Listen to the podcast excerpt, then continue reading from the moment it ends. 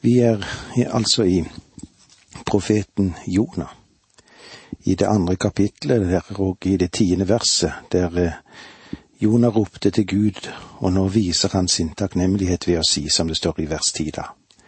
Men jeg vil ofre til deg med takkesang. Det jeg har lovt, vil jeg holde. Frelsen kommer fra Herren. Men jeg vil ofre til deg med takkesang. Det er vanskelig å forestille seg hvilken takknemlighet denne mannen kjente i sitt hjerte og i sitt liv når fisken gulpet han opp på det tørre landet igjen. Han var kanskje et sørgelig syn da, men han oppløftet sin røst i takksigelse til Gud, han som fridde ham ut og oppreiste ham fra de døde. Jeg har lovt, vil jeg holde. Vet du hva Jonas sitt løfte var? Kan du tenke deg hva det var for noen ting? Han eh, sa til Herren, Jeg skal gå til Ninive. Tidligere hadde han sagt, Jeg nekter å dra til Ninive. Men nå, ja, nå hadde han ombestemt seg. Gud har ombestemt ham, og nå gir han et løfte om at han vil dra til Ninive. Herren må nok behandle mange av oss på samme måten. Han har aldri kjørt meg gjennom en fisk. Men eh, vi kan jo ha hatt litt av hvert fremover, både du og jeg, i våre liv. Nå må du ikke misforstå. Vi har ikke grunn til å klandre Gud for det. Det er bare det han har, når vi kommer inn i store vanskeligheter og problemer, så det kan godt være at Gud hadde noe viktig å si til oss han eh, har òg tuktet meg, og han har tuktet deg. Hvorfor det, da? Jo, fordi jeg trodde jeg hadde lært de lekser som en mann i min, alder burde ha lært. Men eh, det var ikke vanskelig å finne ut at det stemte ikke helt, dette. Jeg er òg beredt til å si det samme som Jonas sa. Jeg er takknemlig til ham for de prøvelser han har tillatt å nå meg og få hans utfrielse av dem. Det er vel noe av det største som vi får lov til å oppleve det. Jeg har gitt Herren løfter. Jeg har lovet Herren at jeg skal bruke resten av mitt liv til å være med og bringe Hans budskap ut, og det er det Han har kalt meg til. Det er sikkert mange mennesker som mener at det er en feilaktig måte det jeg gjør dette på, og eh, det er nok òg slik at det er ikke hver gang han er like tilfreds med det en gjør.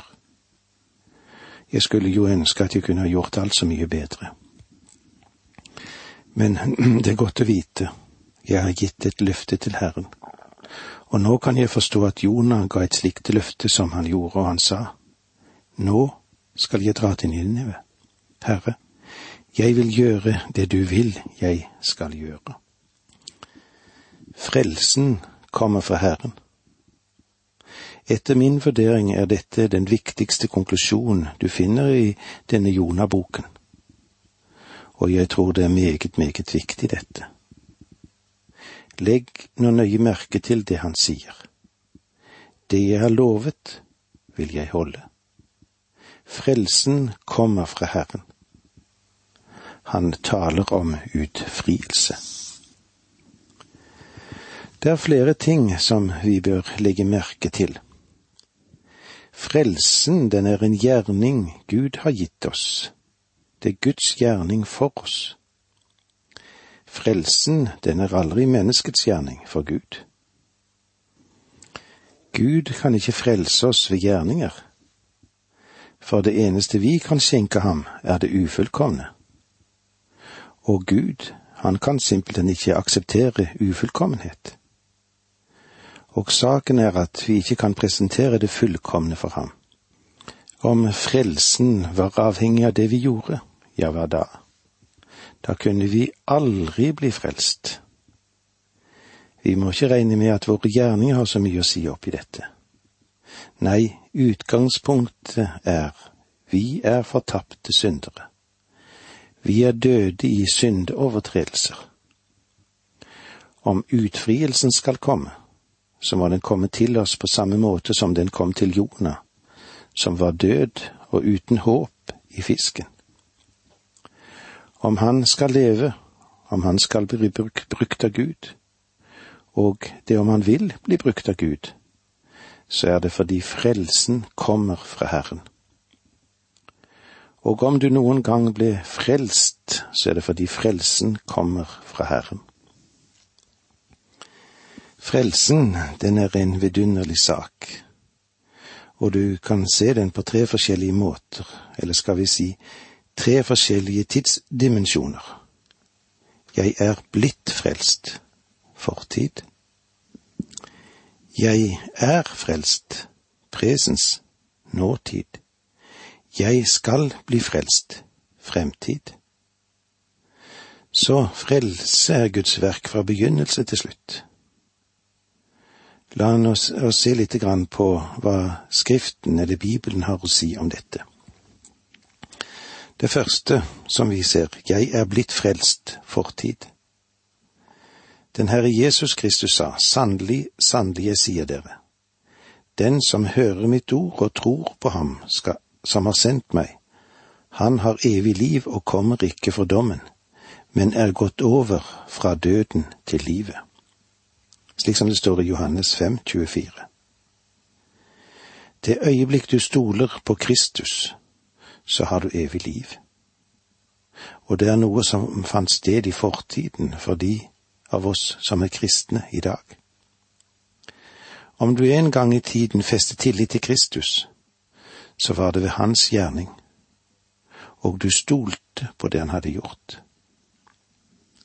Den som tror på Sønnen, har evig liv, som det står i Johannes 3, 36. Du mottok livet når du stolte på Kristus. Du gjorde ingenting, absolutt ingenting. Han tilbød deg alt som en gave. I Romerbrevet 6,23 står det slik, Guds gave er evig liv i Jesus Kristus, vår Herre. Jeg er blitt frelst. Hvordan ble jeg det? Ved å stole på Kristus og det han har gjort for oss, hans gjerninger. Det var ikke på grunn av våre rettferdige gjerninger, men fordi Han er barmhjertig. Han frelste oss ved det bad som gjenføder og fornyer ved Den hellige ånd, som det står i Titus 3, 5. Jeg er frelst nåtid. Gud er ikke ferdig med oss. Han har til hensikt å fortsette sin gjerning i vårt liv. Jeg ble bedt om, som det står i Filippensebrevet 2, 12 og 13, å arbeide på deres frelse med frykt og beven. For det er Gud som virker i dere både å ville og å gjøre etter Hans gode vilje. Du kan ikke utvirke noe før Gud har innvirket noe i deg. Og Paulus sa videre i Fesebrevet 2, 8 og 9, For av nåde er dere frelst ved tro, og det er ikke av dere selv. Det er en Guds gave, ikke gjerninger for at ingen skal rose seg. Det er stort, dette, men apostelen stoppet ikke med dette. Han fortsatte med å si, for vi er Hans verk, som det står i Fesebrevet 2.10, Hans verk ja, skapt i Kristus, vi ble gitt nytt liv. Og Paulus legger til, skapt i Kristus Jesus til gode gjerninger. Derfor er det slik at ved Den hellige ånds kraft skal Guds barn frembringe frykt. Vi skal bære frem frykt.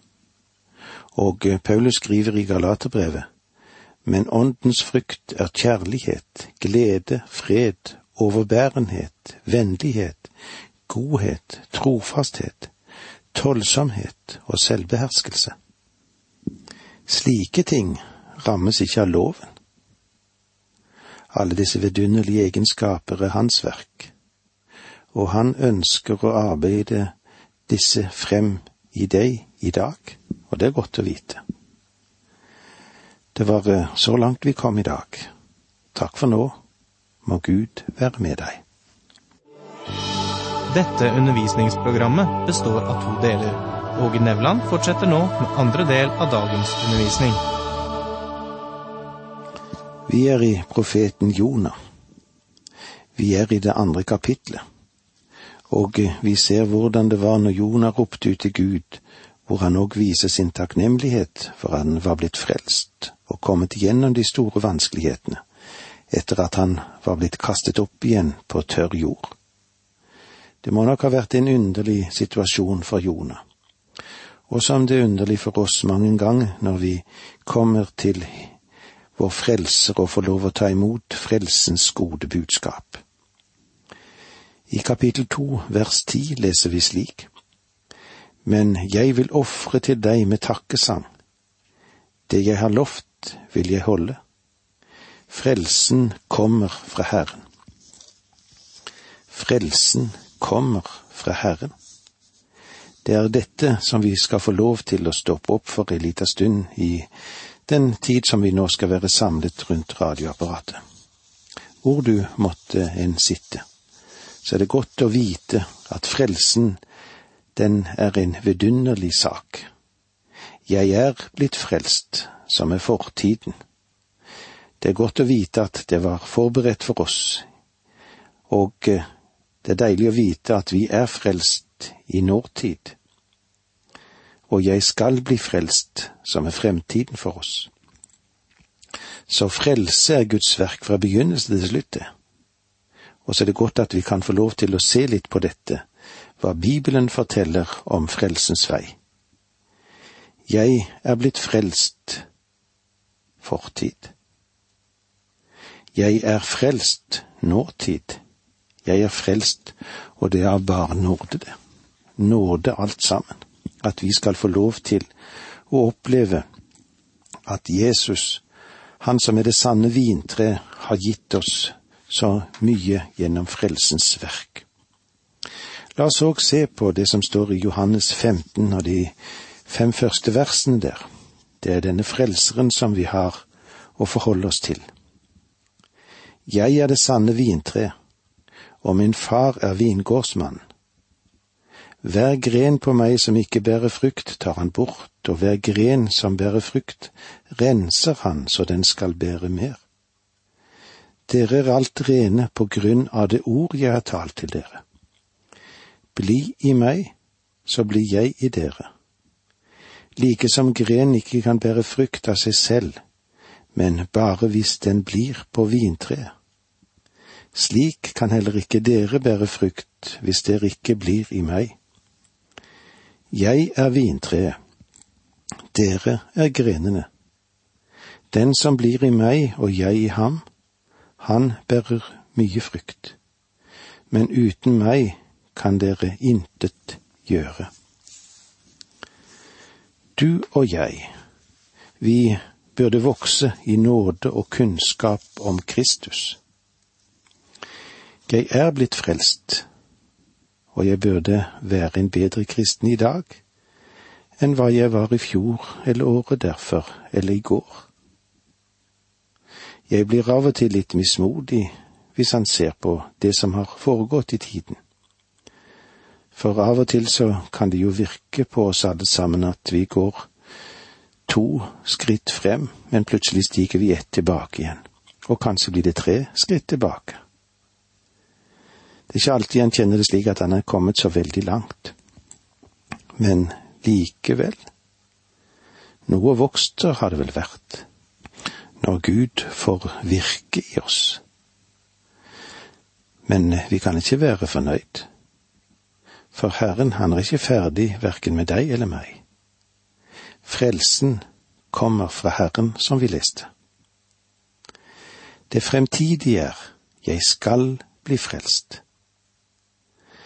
Det kommer en dag da jeg skal få lov til å oppleve frelsen på en helt annen måte. Paulus skrev til den unge predikanten Timotius i det andre, andre brevet der i det tredje kapitlet og vers 16. Alle hellige skrifter inngitt av Gud er også nyttige til å gi opplæring og tale til rette, hjelpe på rett vei og oppdra i rettferd Og nå når Paulus altså skrev til han om det vidunderlige Guds ord, så sa han også det slik i verset før dette. Helt fra barndommen har du kjent de hellige skrifter, de som kan gi deg visdom som leder til frelse ved troen på Kristus Jesus. Siden Timotius allerede var frelst, hva mente Paulus da han skrev? Gi deg visdom som leder til frelse. Han mente at Skriften ville sette Timotius i stand til å vokse og til å leve for Gud. Men det er vel slik at når vi kommer til livets slutt, ja, det er ikke fullstendig da heller. Den store evangelisten som heter Moody, fikk en gang høre en som heter Henry Varley si. Verden har ennå igjen å se hva Gud kan gjøre med en mann som helt og fullt er overgitt til ham. Muddi, som da var bare en ung mann, sa til seg selv. Ved Guds nåde vil jeg bli den mann. Men da han lå for døden, da sa Muddi. jeg ønsket å bli den mannen. Men det er fremdeles sant at verden ennå har igjen å se hva Gud kan gjøre med en mann som helt og fullt er overgitt til ham. Jeg mener at når du og jeg kommer til livets slutt, så vil det samme være sant om oss også. Fremdeles kan det sies at verden har ennå til gode å se hva som kan skje med en som helt og fullt har overgitt og overlatt seg helt i Guds hender.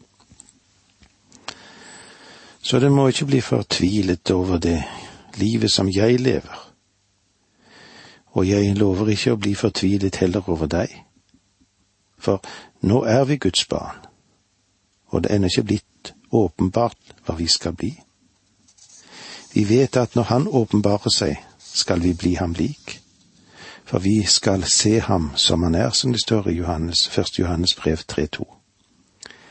En dag skal vi få se ham, og da skal vi bli ham lik. Frem til det øyeblikket, ja, hvordan er det da? Ja, da er jeg svært ulik ham. Kanskje du ville ha en større likhet med ham? Jeg føler at jeg er altfor ulik ham. Men den dagen skal jeg bli ham lik. Og den dagen, da vil du òg bli fornøyd med meg. Og da skal kjærligheten mellom oss mennesker være fullkommen. Men det er noe av det som gjør himmelen så vidunderlig. Ikke bare er det slik at jeg skal elske alle, men alle skal også elske meg. Når vi kommer til himmelen, skal vi bli ham lik. Frelsen kommer fra Herren. Dette er et fantastisk utsagn, og du finner det i Det gamle testamentet. Hvor ende? I Jonas sin bok. Frelsen kommer fra Herren. Vet du hvor denne mannen lærte det? Han lærte da han ble slukt av en fisk, og så ble han gulpet opp igjen. Da var han også myk nok til å erkjenne at slik var situasjonen. Frelsen kommer fra Herren. Tenk den dagen når vi skal bli ham lik. For når Han åpenbares, da skal vi bli ham lik, for vi skal se Han som Han er. Den dagen, den blir annerledes når mennesket blir lekt og blir fullkomment. Kristus er menneskesønn, det eneste mennesket som har levd sitt liv som Gud har tenkt at livet skulle være. Og som vi har vært innom mange ganger, det mislykkes for oss alle sammen. Satan og synd har herjet med oss, og det har gjort det slik at vi har kommet inn i ondskap og det vi kan kalle for vannmakt. Rundt om i hele verden så høres det såre sukk fra de som sliter og lengter etter frihet og fred. Det er nok noen som prøver å si til seg selv og til andre at jeg er frihet og glede. Men den gleden som de der har, den varer ikke så veldig lenge. I livets harde virkelighet stikker sannheten fram. På hjertebunnen er det slik med disse folkene som det var med Jonah. Han fikk oppleve frelsen. Og nå kommer òg Jesus til oss alle sammen. Han stiger inn i vår situasjon. Han gir oss og viser oss sin grenseløse kjærlighet. Den kjærlighet som han overvant Satans mektige hær, men den ble for svak. Nå forteller Jesus at han har gitt oss et nådens og frihetens kår. Ordet som vi er innom her, det forteller at Jonah fikk lov til å oppleve frelsen, og nå får vi òg lov til å oppleve frelsen. Det er ordet om Jesus. Hvis vi ser hen til Han og tar imot ham i tro og tillit, da har vi òg fått lov til å oppleve at frelsen er min. Og så er det spørsmål hvordan det gikk med Jonah. Han når tørt land. Som det står i det ellevte verset i det andre kapittelet i Jonah. Da talte Herren til fisken, og den spydde Jonah opp på land. Det er noen som har kommet med denne fornøyelige bemerkningen. Selv en fisk klarte ikke å fordøye Jonah, denne ulydige profet. Men nå er Jonah en annen han. Han har gitt Herren noen løfter. Og ett av disse var at han skulle dra til Ninive. Nå løser han billett til Ninive. Og det vil vi komme inn på når vi møtes igjen neste gang. Takk for nå må Gud være med deg.